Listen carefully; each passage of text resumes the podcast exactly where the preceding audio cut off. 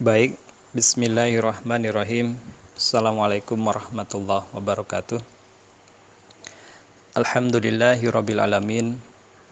Allahumma salli ala Muhammad wa ala ali sayyidina habibina wa maulana Muhammad.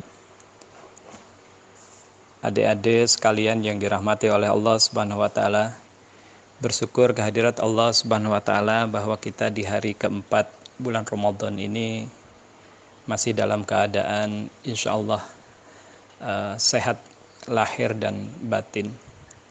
Dahulu kita berharap disampaikan kepada bulan Ramadan doanya kita di bulan Rajab dan bulan Sya'ban Allahumma barik lana fi Rajab wa Sya'bana wa baligna Ramadan Ya Allah sampaikanlah aku sampaikanlah kita kami di bulan uh, maaf berkahilah kami di bulan Rajab dan bulan Sya'ban itu dan sampaikanlah kami kepada bulan Ramadan dan alhamdulillah kita sungguh sekarang telah disampaikan kepada bulan yang dinanti-nantikan itu. Kita pun berdoa semoga di awal bulan Ramadan ini sebagaimana doa Rasulullah dalam hadis riwayat Tirmizi Allahumma ahillahu alaina bil yumni wal iman was salamah wal islam. Rabbi warubukallah ya Allah berilah permulaan awal bulan Ramadan ini kepada kami untuk kami dalam keadaan tenang dalam keadaan siap secara psikologis kita melaksanakannya. Dan itu yang pertama, kesiapan pertama, kesiapan yang kedua adalah dalam keadaan iman yang semakin meningkat.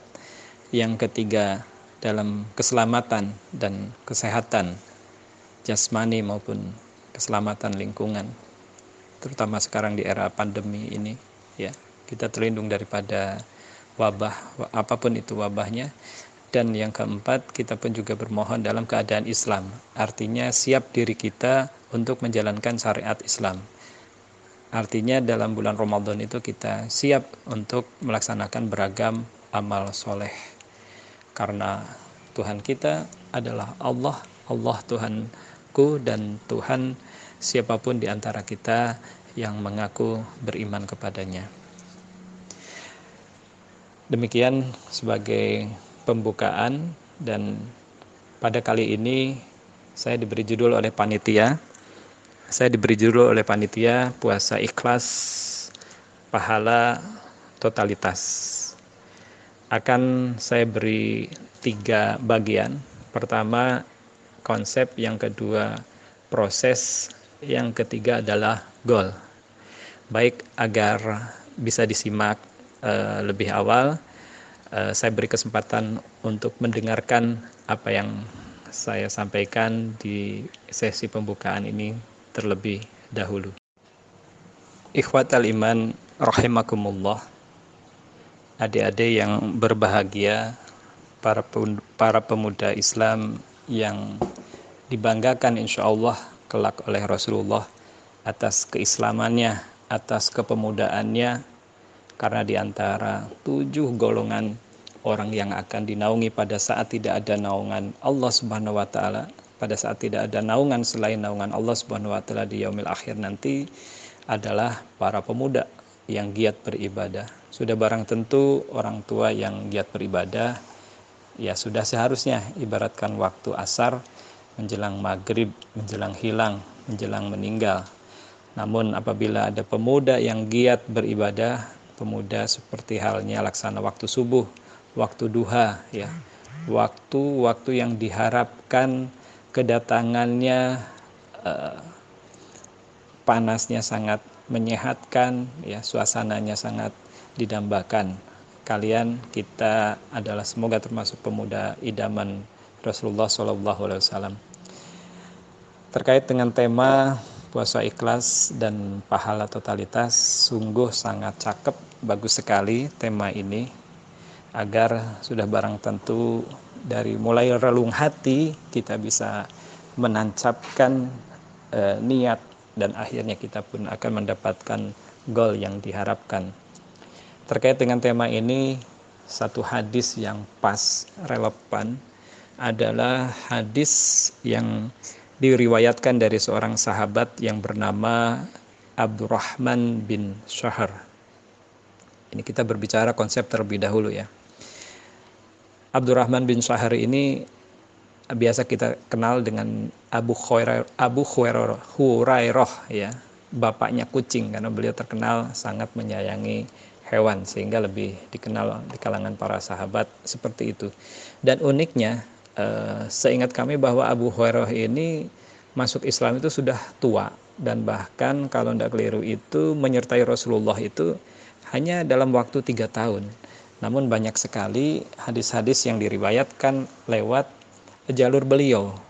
Karena beliau adalah orang yang telah hijrah dan berazam e, menjadikan sisa umur hidupnya itu kalau para sahabat yang lain itu menyertai Rasulullah sejak lama di medan peperangan dalam berbagai kondisi di lapangan bahwa beliau itu berazam untuk apa pun gerak-gerik Rasulullah sampai hal yang sifatnya itu personal pun beliau pelajari dengan tujuan untuk menyampaikan kebenaran Islam ke umat.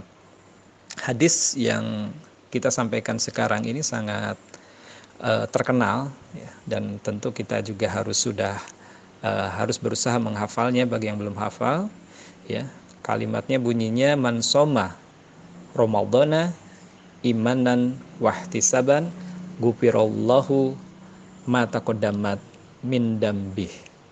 Barang siapa yang puasa Ramadan dikarenakan iman dan wahtisaban uh, ikhlas karena Allah gufirallahu mataqaddamat min dambi maka akan diampuni dosa-dosanya yang telah lalu.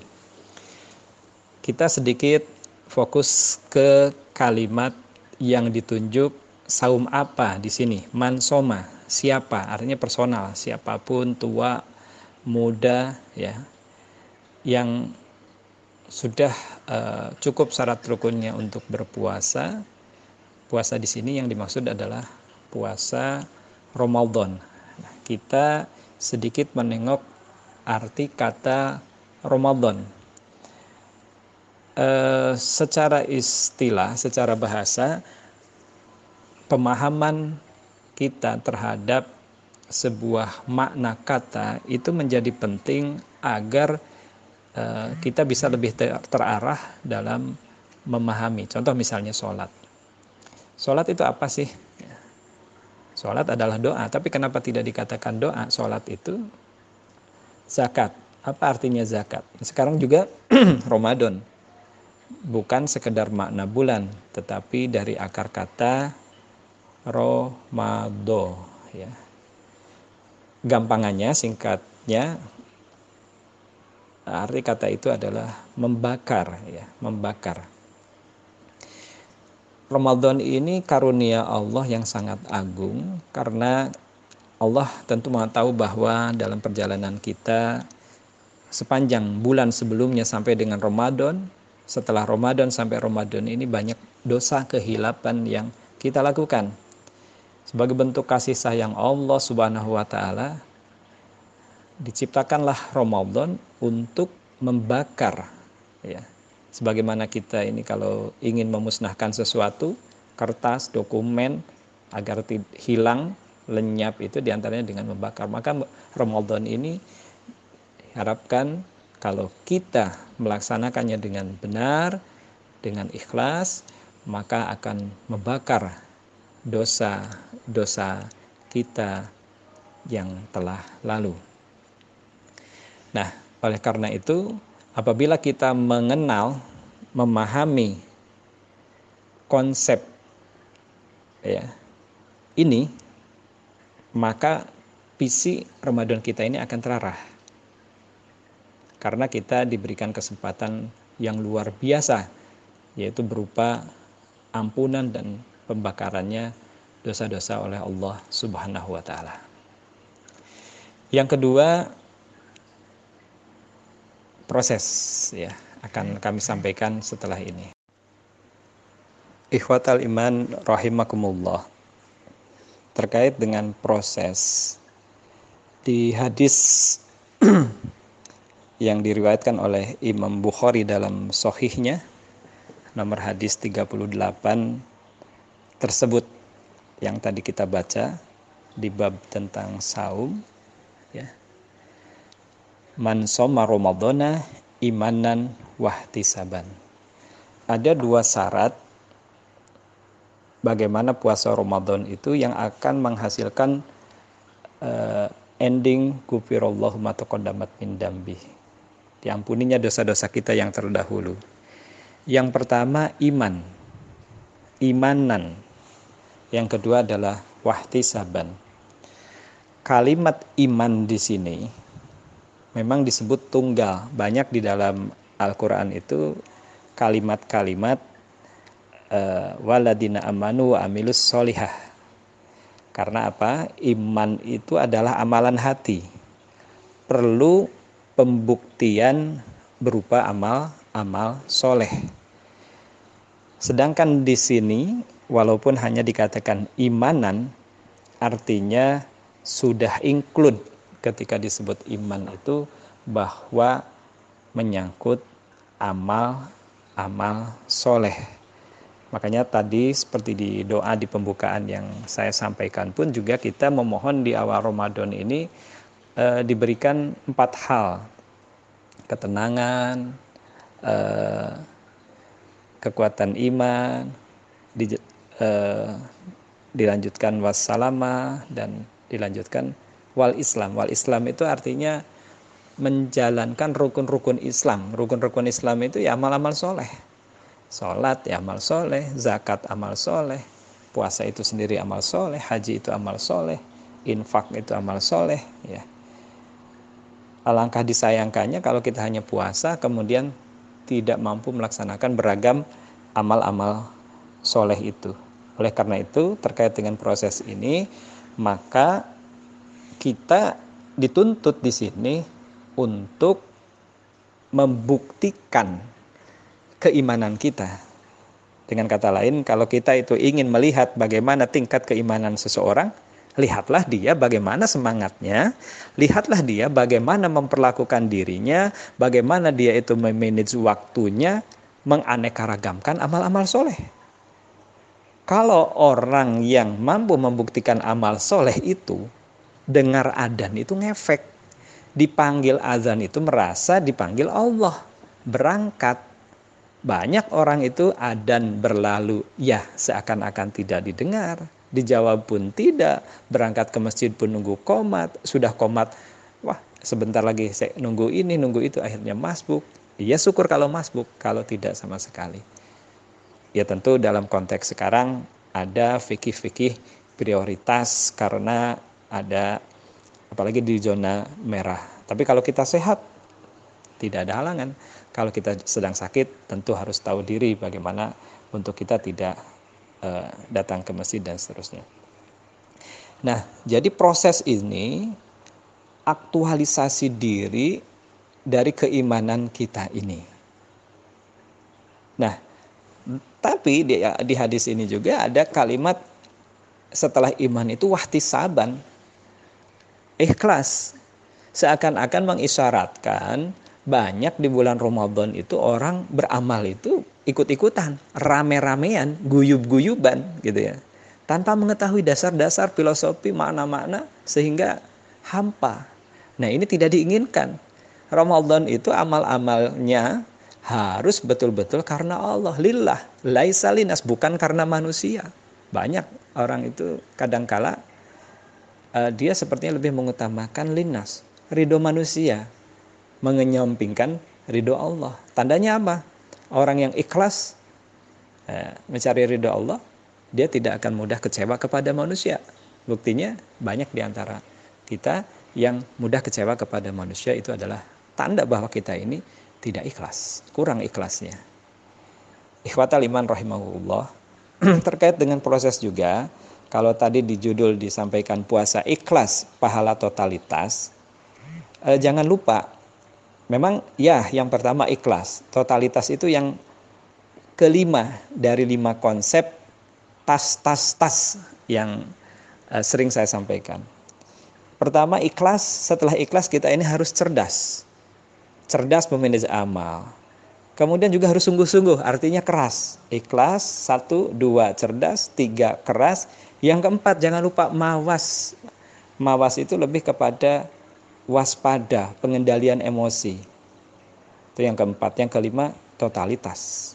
Nah, kalau kita lakukan ini full power, ikhlas, cerdas, keras, mawas, totalitas, atau dalam bahasa kekinian itu sering disebut ikhlas ini spiritual question, cerdas itu intellectual question, keras itu adalah physical question, mawas itu adalah emotional question dan totalitas itu totality question.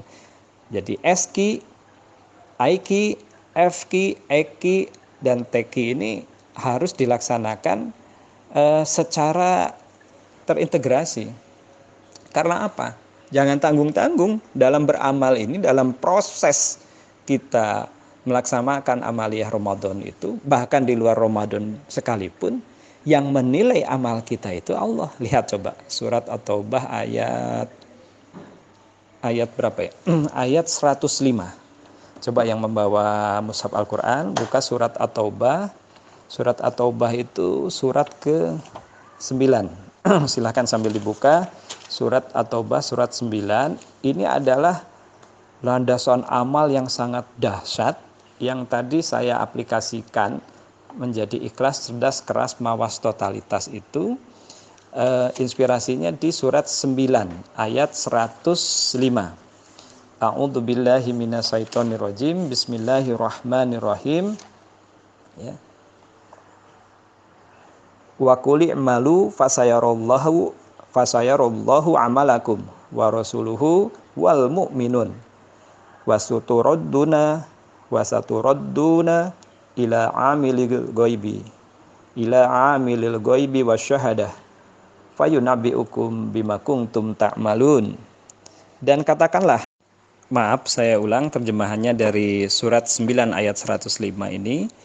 Dan katakanlah bekerjalah kamu maka Allah akan melihat pekerjaanmu.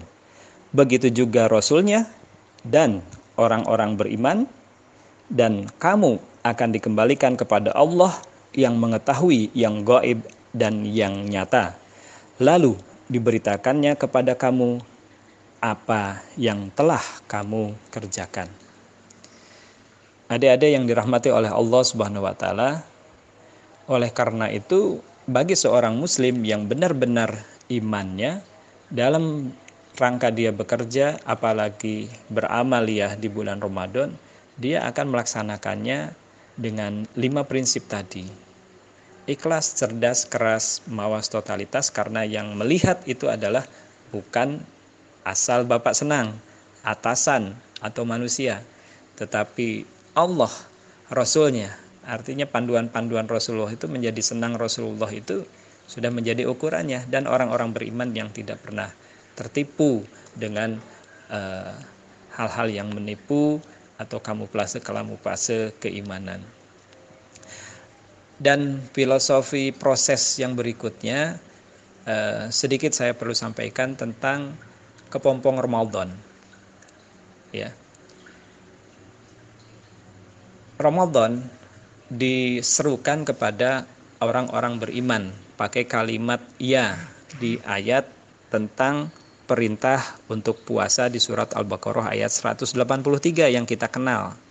Kita hafal insya Allah. Ya ayuhalladzina amanu kutiba alaikumusiyam kama kutiba ala ladzina min qablikum la'alakum tattaqun itu. Nah, wahai orang-orang yang beriman, apakah dia itu imannya itu kuat, imannya sedang, imannya lemah, semua yang merasa beriman itu terpanggil semuanya untuk melaksanakan ibadah puasa. Jadi banyak di antara kita orang beriman pun juga banyak melakukan kekurangan dosa sebagaimana buruknya atau menjijikannya ulat ya. Kemudian ulat itu masuk uh, kepada metamorfosis hidupnya menjadi kepompong dan setelah itu dalam proses kepompong pun dia sebagaimana manusia uh, melaksanakan puasa tidak makan, tidak minum. Selepas fase kepompong itu dia berubah menjadi kupu-kupu yang indah menawan rupanya. Nah, harapannya demikian juga kita orang-orang beriman yang diseru uh, melaksanakan puasa itu melakukan proses kepompong, melakukan proses pendidikan Ramadan itu, tarbiyah Ramadan itu di kepompong Ramadan ini akhir daripada proses Ramadan itu kita menjadi orang yang bertakwa. Tidak ada derajat yang paling tinggi di sisi Allah selain inna akramakum indallahi atqakum. Derajat yang bertakwa. Maka ini adalah sebuah kasih sayang karunia Allah Subhanahu wa taala ketika kita dipanggil oleh Allah Subhanahu wa taala untuk uh, melakukan uh, perbaikan, perubahan, penguatan takarub ilallah dan di Ramadan ini dan kita akan menjadi orang yang bertakwa. Itulah gambaran proses kepompong Ramadan. Yang terakhir, ihwatal iman rahimakumullah, kita ingin berbicara tentang goal ya goal saya pikir eh, pahala totalitas ini itu yang adalah bagian daripada goal itu sendiri ya tujuan. Ya nanti di akhirat di surga itu ada pintu yang sangat utama itu babu royan pintu surga yang sangat didambakan bagi orang-orang yang berpuasa. Bahwa puasa itu juga Allah yang membalasnya ya. Akan diberikan kemuliaan apa pun terserah Allah. Bahkan di keterangan yang sering kita dengar itu ada malam Lailatul Qadar atau malam Qadar ya Lailatul Qadar itu khairu min alfi jadi lebih baik daripada seribu bulan ya bukan sama lebih baik terserah Allah sesuai dengan tingkat keikhlasannya tingkat mujahadahnya tingkat keimanan kita, maka suka-suka Allah memberikan kebaikan. Ya. Ini adalah bentuk kemahadilan Allah. Kalau dulu umat-umat terdahulu bisa hidup lebih lama, ya, bahkan ratusan tahun, sedangkan kita hanya umat Nabi Muhammad hanya 60-an tahun, maka untuk menyemai amal-amal umat-umat terdahulu, Allah berikan karunia Lailatul Qadar di bulan Ramadan ini. Oleh karena itu kita harus eh, memanfaatkan fasilitas ini dan meraih totalitas pahala ini untuk meraih Lailatul Qadar, meraih malam Qadar. Uh, asal tidak ihwatal iman adik-adik yang berbahagia ya goal kita untuk menjadi orang yang bertakwa goal kita sebagaimana hadis di awal yang kita bahas gufirallahu mataqaddamat min dambi akan diampuni dosa-dosa kita terdahulu dengan syarat dan ketentuan yang berlaku yaitu iman dan wahtisaban. Kita berpuasanya itu benar-benar dilandaskan dengan uh, iman yang dibuktikan dengan amal-amal soleh. Wahtisaban hanya mengharap ridho Allah bukan ikut-ikutan. Maka niscaya maka pasti goal tujuan kita menjadi derajat orang yang bertakwa, mendapatkan pahala totalitas, mendapatkan ampunan Allah Subhanahu wa taala sebanyak apa pun, sekelam sehitam masa lalu dan dosa-dosa kita, yakin demi Allah akan diampuni oleh Allah Subhanahu wa taala apabila kita melaksanakannya dengan iman wahtisaban dengan sungguh-sungguh beramal soleh uh, di bulan Ramadan ini. Amin amin. Allahumma Amin. Demikian yang bisa saya sampaikan. Semoga dengan puasa ikhlas kita benar-benar mendapatkan atau meraih pahala totalitas ini. Alafuminkum wallahu muwaffiq ila Assalamualaikum warahmatullahi wabarakatuh.